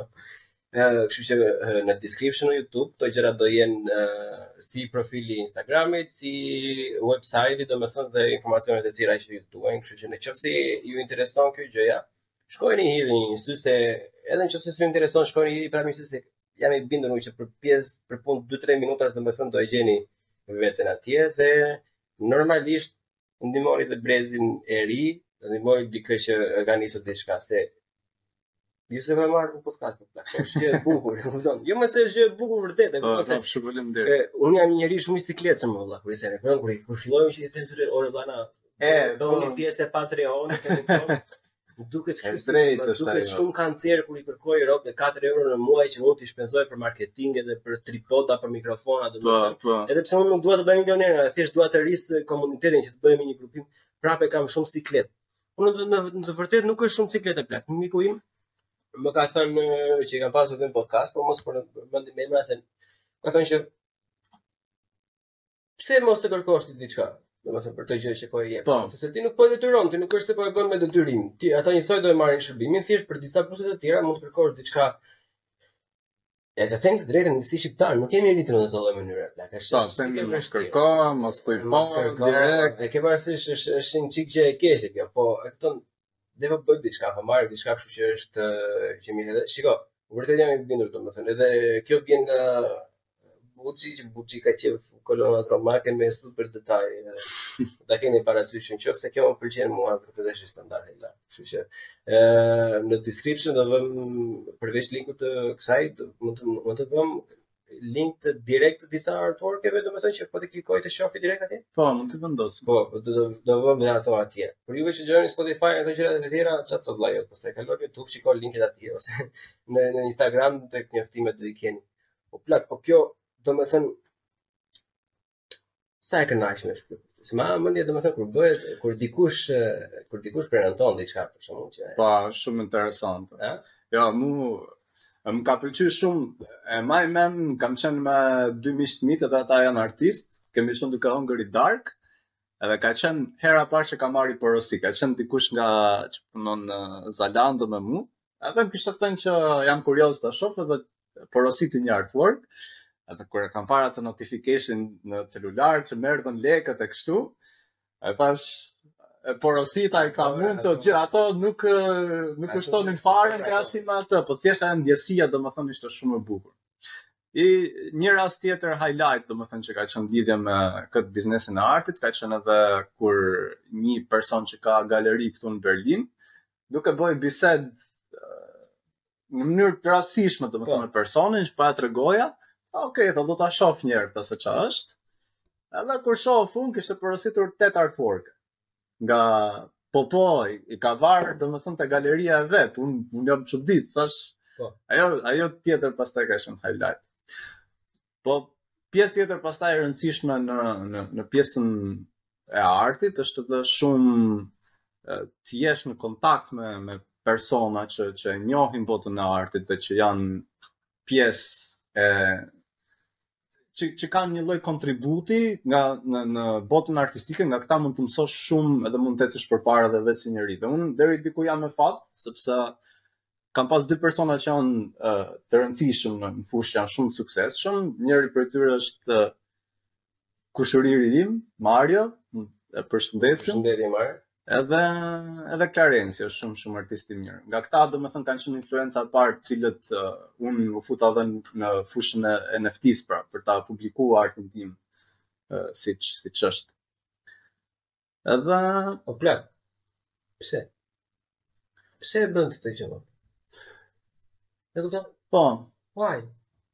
Pse nuk ikën të pish një kafe? Me e fëtit, bësh kota që, bua laj të që. Rri aty, harxhon kohë nga jeta jote, të bësh kota, të shesësh këtë masterpiece-in. Pse ti nuk vete vllai edhe shpenzon kohën tënde me parazitizëm? Unë mendoj se është kjo, ëm, um, E ke parasysh ndonjëherë kur je në një moshë më të vogël që nuk e ke fare konceptin e parasë ose suksesit e tjera e tjera, ty deri diku të pëlqen me u marrë me një ose dy gjëra të ndryshme. Për shembull, ëm um, unë mendoj që historia që që kam pasur në fëmijëri, para gjimnazit ose në gjimnaz, kam qenë diku shumë në në në këtë trajektore, pra. Edhe ka qenë um, një ndikim i madh mendoj që ka qenë gjeometria, domethënë fakti që e kam pas shumë qejf gjeometrinë, më pëlqen se si unë mund të aplikoj formula. Janë, është është një lloj është një lloj kënaqësie pra që që merr duke apliku formula matematike dhe gjeometrike në kod dhe këto të japin ty një pamje vizuale të cilën ti nuk e shikon direkt, por që ty edhe të pëlqen vizualisht. Unë mendoj që kjo ndikon, është një, një lloj kurioziteti personal për mu, për me ndërvepru me uh, pjesë, domethënë, elemente artistike dhe gjeometrike. Me, mendoj që kjo është. Fakti që më kanë pëlqyer që në një kohë të hershme, që në fëmijëri. Që të ka pëlqyer e di unë sepse këto që na pëlqen dhe mua. Pyetja ime është mos më ik pyetjes. E di që është e vështirë, por mos më ik pyetjes. Pse ti vendose ta përpunosh pse ti vendose të shprehësh veten me këtë që se që të pëlqen e di unë se është është edhe humanizëm diku deri diku që nuk e di why the fuck po njerëzit shumica e njerëzve kanë shumë qejf gjërat e drejta gjërat e rregullta ë po e kupton ideja është që how the fuck did you go from just liking it to making it ah okay um një gjë tjetër pastaj është edhe të pasurit një ide të re. Për shembull, kjo platforma nuk është se ekziston diku tjetër, edhe vetëm fakti që ti je i pari që po e bën, dhe është diçka interesante që po sjell në treg, atëherë kjo të shtyn për të për për shembull, për për mua kjo ka qenë shtysë, fakti që unë po sjell diçka të re që nuk ekziston. ë uh, për për me sjell një platformë gjenerative nga ku mund të blesh uh, fine art, pra. Um, në të njëjtën kohë është edhe fakti që do ta bëj marketplace dhe kjo i jep shumë ndihmë artistave të tjerë që për mendimin tim janë kanë disa ide shumë shumë të bukura dhe interesante artistike. Unë do të jap një lloj kanali, mediumi pra, në nëpërmjet të cilit ata të shesin këtë këtë këtë lloj arti që nuk ekziston. Mjet. Po. Një gjë tjetër që më pëlqen shumë dhe më duket shumë interesant dhe mendoj që është uh, rrymë moderne, pra, është fakti që kur ti bën generative art, je diku mund ta qujmë mesme në art, po je diku midis artit klasik, që është i gjithi human orchestrated, që është orkestruar nga njerëzit. Pra që ti ke penelin e bën canvasin si do ti. Ke dhe artin modern që është bërë trend tani, AI generated, që ti i thu kompjuterit se ça do, dhe kompjuteri ty mund të gjenerojë çfarëdo lloj kanvasi që kompjuteri mund të ketë procesuar pra. Dhe kjo generative art ndodhet midis të dyjave. është generative art është një krijimtari e artistit në bashkëpunim me makinën, me mashinën. me kompjuterin pra. Edhe mua ky koncept më duket shumë interesant që ti si si si njeri, si human mund të vendosësh limite se çfarë kompjuteri duhet të të gjenerojë. Dhe kjo kjo e bën artin gjenerativ shumë më të bukur. Makineria e prodhon, ti vetë si njeri nuk e di se çfarë do krijohet në në like, në detaje, domethënë, por në të njëjtën kohë ti ke kontroll ndaj gjenerimit të këtij arti dhe ti vendos limitet se ku do shfaqet ngjyra dhe ku nuk do shfaqet, ose se sa e madhe do jetë dhe se sa e vogël do jetë një element i caktuar. Mund të mund të bëjmë një kështu një një screen recording që ta vendosim në fund të episodit, domethënë si mund të Të shkojë robi te faqja dhe si mund si krijohen këto gjëra? Po, mund ta bëjmë. Po. E vëm, kështu që qëndroni deri në fund të episodit që të shikoni domethënë si mund të, të navigoni faqen domethënë dhe se si të arrini tek arti që ju dëshironi. Plak, kam një pyetje tash që mbase do të jetë çik pa përgatitur. Ëm, ideja është që unë këtë gjë që bën ti s'e bëj dot. asnjëherë në botë të botës. Por ajo që kam unë jam ide. Edhe unë kam shikuar biseda e fundit që kemi pasur bashkë, domethënë unë kam shumë shumë kam ca ide shumë shumë të frikshme domethënë për ose të paktën për shijen time. Ë për sa i përket generative art. Mm -hmm. Që unë s'do t'i përmend se normalisht ide është është po, gjëja ime, s'mund t'i përmend në podcast, unë mund t'i përmend kur pimë cigare pastaj. Është gjëja që Në qoftë se unë jam një njeri që kam ide, si çam si mund ta gjej unë një kodues ose një person të tillë që të paktën unë nuk e di pastaj se si funksionon përqindja, po a ekziston një një simbiozë e tillë që unë t'i them idenë dhe ai të bëjë kodin që mund të gjenerojë këtë art? A është e bëshme kjo? Është reale? Po, Po, është. Mund të arrihet që për shembull të them që ok, vlla, unë kam këtë ide në kokë, edhe kjo ide do të jetë do ta ketë limitin deri në 100 gjëra, për shembull, mund të nxjerrë 100 versione të ndryshme. Po. Edhe do të ketë detaje. Po, kjo është shiko, njerëzit tani ti e di shumë mirë, edhe ti e di edhe shumica e di që deri ku varioj unë me idetë e mia. Domethënë, ti po, që është e bëshme domethënë, mund të bëhet. Po. Kjo kjo është e bëshme për çdo lloj gjëje teknike ose që është e lidhur ngushtimisht me kodin. Edhe kjo të ndodh shpesh edhe në punë, kur janë persona për shembull që të vinë, e a bëhet kjo? Ta ta bëjmë këtë gjë nda li kështu, çdo gjë bëhet. Çdo pyetje, sidomos me teknologjinë e sotme, çdo pyetje që a bëhet X gjë në kod, e ka përgjigjen po.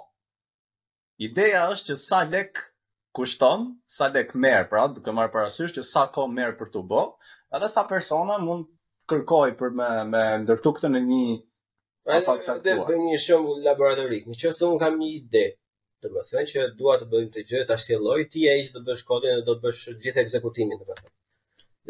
Çfarë çfarë duket për ty fair, domethënë, ndarja e përfitimit. Përfitimi jo xhiro, jo atë që merr po pra, fitimi, pra, vetëm po. vetëm fitimin, domethënë si ndahet. Për për me bo cilën pjesë këtë. Për shembull, për shembull laboratorik. Un kam idenë ti bën kodin, domethënë mhm. ekzekutimin. Mm -hmm. Po. Si çfarë është fair? Okej, okay, për mua për shembull, ëm um, në terma si fillim duhet të matet në terma kohorë, pra se sa 8-orarë që të merr, ose me, me pak fjalë sa ditë do të marrë ty për me bo diçka, ose këtë mund ta përkthesh në muaj e të tjera.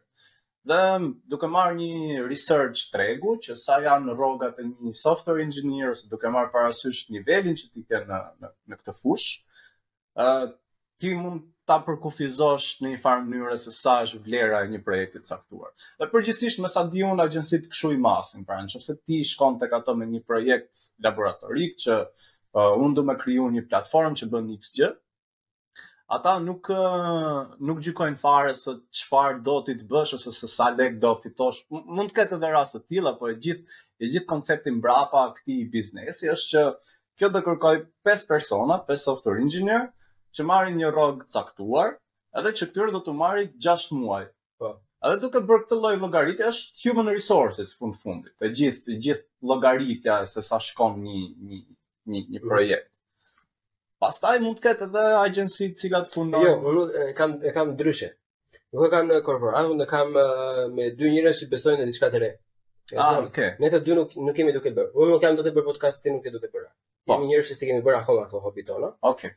Edhe jemi thjesht njerëz që kemi ide. Unë kam idenë, ti ke aftësinë. Unë po. besoj te, unë bes, unë jam i bindur që aftësia jote për të bërë këtë gjë e do ta ekzekutojë idenë time mirë. Edhe ti je i bindur që ideja ime vlen, po. edhe ti ke dëshirë ta ekzekutosh. Si ndahen këto dorë?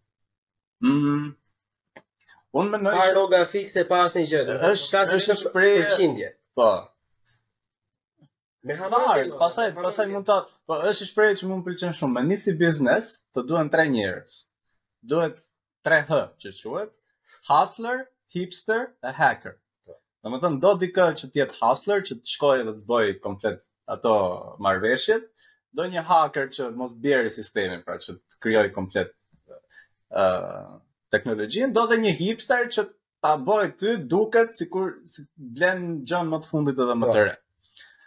Edhe pastaj se si ndahet varet shumë nga koncepti, nuk e di, për shembull ke rastin e dy Steve, Steve Wozniak edhe Steve Jobs. Edhe komplet ndarja ishte që Steve Jobs kishte, kishte idenë, Steve Wozniak ishte një nga inxhinierët më, më të mirë të kohës vet, edhe Steve Jobs mori komplet Jo, lëre çfarë mori, çfarë është fair, ti si njeri, ça mendon që është Um, unë fair mendoj, mendoj gjithmonë që dy persona që hyjnë në një marrëveshje është gjithmonë 50 me 50. Siç e mendoj? Unë nuk mendoj se është fair. Në, në, në, në, edhe, edhe mame e se ti të përfitoj e mendoj... Jo, unë mendoj që është fair sepse pjesa e rrezikut është uh, te të dy personat. Pra, në qoftë se kjo, përderisa ne investojmë uh, kohën uh, të dy në në në këtë projekt, mendoj që që të dy kemi rrezik për me shpenzu atë afat kohor që ne kemi ta çojmë dëm pra, ata fatin kohor. Pra, po ideja është se unë mua kjo ideja një një ditë më goditi në kokë, duke qenë në tren, domethënë më erdhi dhe unë kisha aftësinë që ta mbaj atë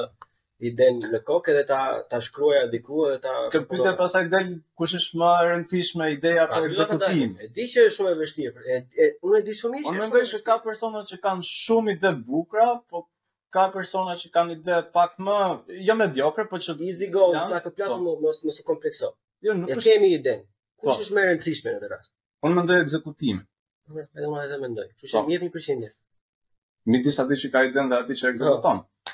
Pra prandaj duhet të jetë 50-50. Në qoftë se ti shkon në një marrëveshje, unë gjithmonë mendoj që ndarja duhet të jetë equal. Po s'është fair pra për ty, nëse ti bën ekzekutimin, nëse unë kam idenë, e vetmja gjë që mund të bëj unë ty, sepse... do të të ti të bësh për unë që gjithkohë do të përgjigjem për tua. Jo, unë mendoj sepse ai personi që bën ekzekutimin, pra normalisht mund të bëjë punën më madhore si fillim, Por ai personi që ka idenë dhe që ka vizionin është shumë i rëndësishëm në në këtë formulë. Në qoftë se ti ke vizion dhe je i aftë ta mbash vizionin për vite të tëra, ti mund ta krijosh këtë kompani nga 10.000 euro që kushton sot, ose nga 500 euro që keni investu, mund ta konvertosh në biliona, sepse ti je aq e fokusuar dhe beson aq shumë në atë vizion dhe atë ide që ti ke, saqë ai ekzekutimi primar që ky personi që njeh kodin pra e, e, e ka bërë, mund të jetë obsolete, mund të jetë shumë i vogël në krahasim me çfarë kjo ide vizionare që ti ke është ndërruar në të ardhmen. Vështirë është t'i besosh idesë të dikujt? Ose më saktë, cila është më e vështirë, t'i besosh idesë të dikujt, apo t'i besosh idesë të ndërruar? Unë mendoj që nuk ka rëndësi nga ka ardhë ideja, rëndësi ka që t'i besosh. Pastaj, ideja, mendoj që është më e thjesht t'i besosh një ideje që rezonon me ty, pavarësisht burimit të ides, sesa t'i besosh një ideje që nuk rezonon për ty, por që mund të ketë favorizime të treta të tipit monetar ose karrierist e tjera e tjera. Kështu që mendoj që sa më i sinqertë të jesh në atë embarkimin e ides, aq më e thjeshtë është për t'i besuar. Pra. Sa më shumë të përshtatet ajo ideja, në qoftë se ke një Venn diagram, atë diagramën e Venit, sa më shumë të puthiten ato dy palët, ideja me personalitetin tat, atëherë aq më e thjeshtë është për t'i besuar. Pa, pa rëndësi ka pastaj nga ka ardhur ideja. Se edhe artin gjenerativ nuk është se e shpika unë në në të njëjtën kohë, është ideja e dikujt tjetër edhe është si Nuk më se janë teknikalitete, nuk merrem Po. fare me ato kush i shpiku ato. Por që Nuk merr fare mund si më shpiku. ngjiti edhe në të njëjtën kohë unë i besoj, mbase ai personi që është marrë si fillim me, që ka hedhur bazat, nuk merret më, kupton? Po. Edhe ideja e tij rezonon më shumë me mua në të njëjtën kohë. Bravo, këtu do na dilja, do më Po. thënë që uh, unë nga kjo që kuptoj ti, nga kjo që the ti, unë thjesht përforcoj argumentin që unë kam gjithmonë, që çdo njeri që ka një ide do ta shprehi, sepse edhe në qoftë se nuk ka aftësi për ta nxjerrë idenë vetë në pah, në qoftë se ai e shpreh do gjejë dikush që ka aftësinë ta ekzekutojë atë mm -hmm. ide. Kurse në qoftë se ky njeri nuk e shpreh atë ide, edhe pse në, edhe në qoftë se nuk e ka aftësi, atëherë kjo ide do humbi përgjithmonë. Po. Që është fatkeqësi në fakt për njerëzimin në përgjithësi. Se kjo kjo gjëja vlen dhe themi ne për, për artin, po të gjitha shpikjet e mëdha të humanizmit çfarë kanë me makina, po, me po. gjitha domethënë, e drejtë. E njëjta sistem është, e ka, ka nisur dikush, e ka bërë diçka, kurse ka dalë ai tjetri më vonë që e ka perfeksionuar fare, domethënë, e ka marrë stafetën e tij. Ke për shembull, Tim Ferriss ka, ka një shprehje shumë interesante për këtë, që thotë, uh, nuk ka rëndësi kush e ka idenë, Idetë nuk vlejnë, pra vlen ekzekutimi. Sepse personi që ekzekuton ai do ta marri merr rrezikun përsipër sepse ti humbet kohën tënde. Kjo kohë ti mund të punoje diku të merrje lekët të jetoje diku më mirë, kupton? Po. Rrezikon investim monetar nëse ke lek në biznes. Edhe ai person që merr rrezikun, ai person në të njëjtën kohë merr edhe përfitimin. Po unë mendoj që pjesa më e vështirë e ekzekutimit të ideve është një person i tillë pra që beson te ideja deri në fund dhe ka një lloj vizionariteti, një një lloj vizioni për për për idenë. Mendoj që kjo është pjesa më e vështirë për t'u ekzekutu. Po që të ndaj një, një gjë të vogël, të për sa i përket. Që ideja ime podcasti ë podcasti që kur është tani domethënë nuk e di. Domethënë këto episodet e fundit ka ecur shumë mirë, nuk e di sepse, shpresoj të vazhdoj kështu. Kam shumë frikë se nuk do vazhdoj kështu. Po shpresoj të vazhdoj kështu. Do bëhet më. Jo, jo. Ideja është që um, ndonjëherë, për shembull, ato dëshirat e momentit, ndonjëherë vjen duke në dush për shembull, ose kur jam mm -hmm. duke bërë ndonjë gjë kur duke gatuar për shembull, ndonjëherë mërzitem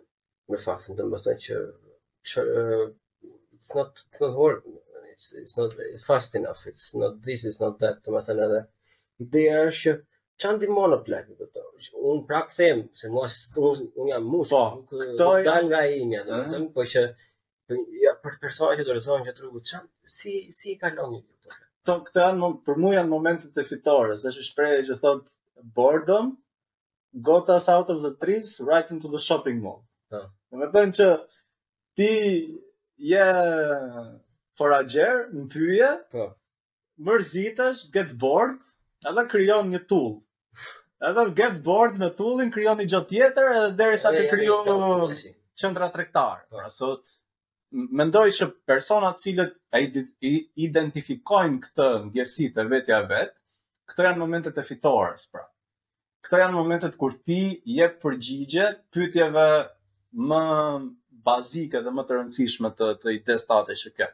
Momentin që ti pyet konceptualisht idenë që ti ke, atëherë kjo a funksionon apo jo, atëherë në këto momente ti vjen me një inovacion, pra, me diçka që do jetë ndryshe për për publikun, për veten tënde, për idenë në tërësi, kështu që mendoj që këto janë forca që që na bëjnë të lëvizim përpara. Këto momente që thotë të kurrësh. Ndonjëherë vërtet, jo, seriozisht ndonjëherë është vërtet shumë shumë e vështirë, domethënë të qëndrosh sepse e çau një shembull shumë i keq për mua, do ja te episodi me Eltonin, ne kishim kishim një feedback për shembull në TikTok, ku është llumi normalisht, domethënë feedback shumë i keq. Edhe uh -huh. ti e di idealizmin tim që unë dua të jap kontributin tim për të krijuar një lloj debati për të krijuar një platformë sa mund. Por në në atë moment domethënë kur lexova ato thjesht e humba shpresën te gjithë populli në atë moment, domethënë e më mendoja, ore më vete mua vetë për çfarë kari po bëj unë vallai, për kë po bëj unë këto. E thonë më burr çfarë don. E kë e pra. Më vonë aty dola unë, më bëri lesh, të kupton, po ideja është, ai momenti është shumë i keq atë. E kuptoj. Është shumë e keq ajo. E, po nuk ka nuk ka marketing të keq, ëh, në fund të fundit ti atë do të komentojnë. Di ça më pëlqeu shumë, shumë fare e di që dhe ty pëlqen si personazh dhe unë e vlerësoj shumë Blendi Fevziun, pra. Domethënë hmm., ja, në në karrierën e vet edhe ça ça ka arrit, duke marrë parasysh që ka bë emision që 97-ën, ëh. Po po po. uh, nuk e di ku ishte në një emision dhe pyeti a të intereson të i tha ky intervistuesi Blendit se ç'a thon tjerët, e tha ky as e vras menjen fare tha ç'a thon tjerët, un kam 2-3 persona tha, të cilët vetëm ata dëgjoj. Në qoftë se ata më thonë po e bo gabim, vetëm kjo intereson për mu si feedback. Ça thonë tjerët pak rëndësi ka? Domethënë, ti duhet të kesh një, një shtyllë kurrizore, e cila, kë, kë, kë, kjo çështja e vizionit, pra. Momentin që, që ke një vizion si unë për këtë artin gjenerativ, edhe ti për, për podcastin ose për karrierën e për të gjitha, momentin që ti ke një vizion, duhet të jesh i aftë ta korrigjosh vizionin brenda disa parametrave që të interesojnë ty. dhe jo që interesojnë diku dikujt tjetër. Unë mendoj që kjo kjo të sjell në një një do të jesh njeri i fortë plak, do të kesh ka. Po, e drejt. E drejt. Normalisht ka shumë uh, histori të tilla, për shembull, ke J.K. Rowling që që tregon që ka çu Harry Potterin në shumë në shumë uh, shpi botuse dhe që të gjithë i kanë thënë çfarë është kjo deri në momentin që dikush e publikoi dhe u bë një nga librat më të shitur, kupton? Kështu që mendoj që kjo bëhet edhe pjesë interesante e veprës. Në momentin që ti ke një lloj ë uh, uh, pushbacku, pra kundërshtie, një lloj kundërshtimi nga masa, mendoj që kjo e bën edhe veprën më të vlefshme në të njëjtën kohë. Mendoj që është pjesë e vlerës. Po, a, fiks. Fiks si kulla Eiffel. Mendoj që kjo i jep një lloj vlere në vetvete që Gustav Eiffel është Gustav Eiffel është armik i kombit ka bërë gjënë më të shpifur të mundshme dhe po ka ngel më njeri pa. E po i mori vlerë. Më kupton? Dhe fund fundit e kam menu nanjëherë ç'është e vërteta. Kupton? Tashi kush ka drejt? Kanë ata komentuesit të TikTokut apo ti? Edhe najherë mendoj që e vërteta është kush është më persistent. Kush ka më shumë guxim për t'i qëndruar asaj anës vet, pra. Që ti mund dukesh sikur nuk e thua të vërtetën fillim, por duke e thënë shpesh dhe duke qëndruar konsistent dhe i guximshëm dhe vizionar në në atë idenë që ti mbështet, atëherë kjo rrjedhimisht do bëhet e vërteta. Unë nuk, unë kshu e mendoj. Nuk e di.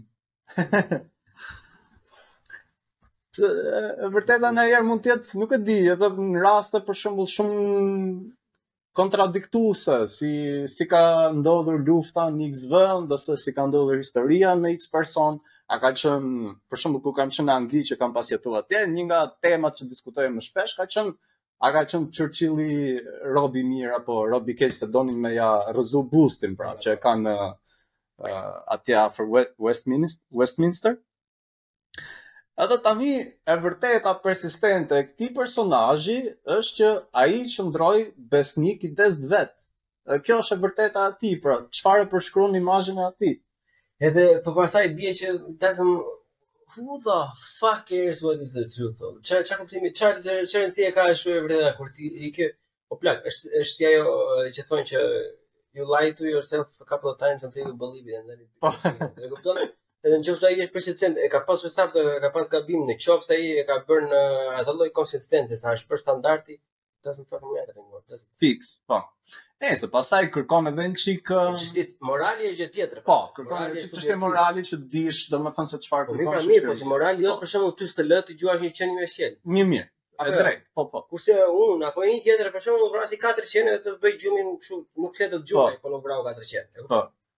E drejtë. Është dhe një çik um, e nevojshme domethënë të jesh në në kontakt me shoqërinë ku rrethohesh në mënyrë që kjo që ti beson të bëj sens edhe për rrethin që ty të intereson. Se është vërtet. Kështu, kështu. A lamë gjë pa thënë për të parën? Dhe që të bëjmë yeah. episodin tjetër, do të bëjmë dhe një njoftim direkt episodin tjetër, do bëjmë bashkë ose këtu ose te radio ose tek unë. e të bëjmë një episod të flasim vetë për artin dhe për arkitekturën, do zihem unë me ju të dy. Në përshqysh të e shumë fanë. Dhe po. shumë fanë. Unë e di që do më basë për shumë mundësi, po që do bërtas edhe. Normalisht është mënyra më e mirë shqiptare për të fituar një debat, është po për të. A lamë gjë? Uh, a di ç'do të bëjmë bërtasim bashkë? Me që um, për nërë si po, po inkurajon të shumë për të provuar i të të bëjnë një fëtimë.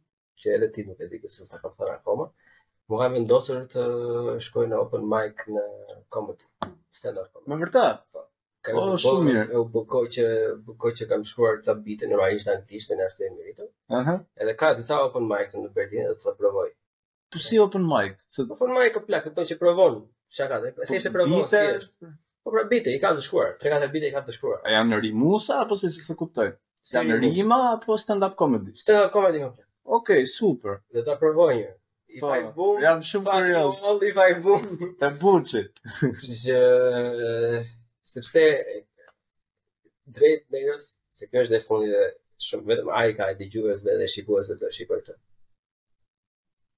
kam diku me katër vite plak që dua ta bëj. Mm -hmm. E kupton? Edhe nuk ma mban, bytha jam shumë frikacak plak, e kupton? Edhe oh. nga një aspekt thjesht ka ardhur koha, domethënë që u hip se fuck. Më beso do kalojë se ti e pe sa emocione kisha në fillim, unë, kështu që sa sa u bë tani. Ideja është, di çfarë më bën përshtypje mua, që unë kam shumë frikë nga kjo. Mm -hmm. Gjëja. Po, pastaj kujtoj veten që unë kam folur mes njerëzve, unë kam folur përpara aksionerëve, kështu stock market nëpër firma, domethënë, edhe nuk kam pasur probleme, por kam frikë nga dikush që ka ardhë atje duke pirë birrë, I don't know why, plak. Po. Po që kam vendosur do ta provoj. Ta provoj një herë se si është, thjesht do ta edhe në qoftë se s'funksionon, thjesht do ta provoj. Ka ardhur momenti plak. Jo po, vend shumë interesant në Berlin për me provu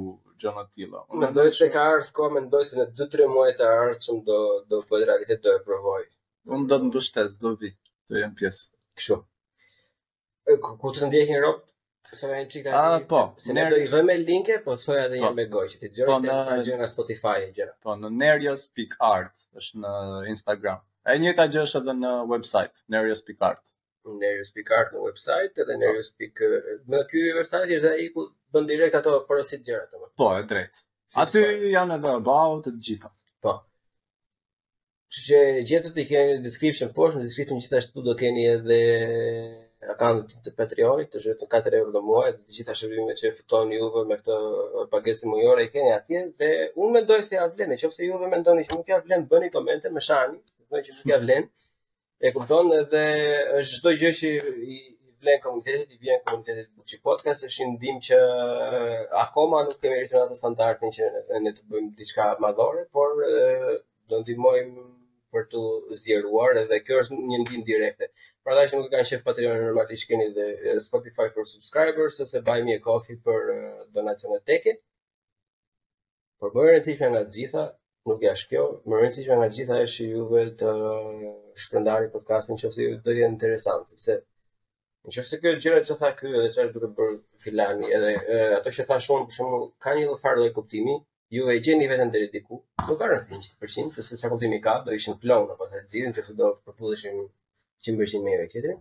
Atëherë thjesht duhet ta shpërndani ndërmjet shokëve tuaj, Në në qoftë se ju e njihni dikë që do të bëjë një loj arti, që do të provojë një ide, dërgojani këtë podcastin sot, dhe ky është shembulli perfekt i podcastit për ta dërguar, që duhet ta provojë, edhe në qoftë se ai dështon, të paktën e provoi, se do i ngelet peng gjithë jetës, për sa e Do i ngelet peng gjithë jetës, se dhe nuk do jetojë dot me veten e tij. Po, Ëm, është e rëndësishme me provu të reja. Deri episodin tjetër. Episodin tjetër me të tjerë, po edhe me këta pastaj prap. Ia kalofshi mirë. Edhe i sharë që s'bën subscribe. Ciao, peace. Buçim në bu CH CHI Bu CHI Në po, po.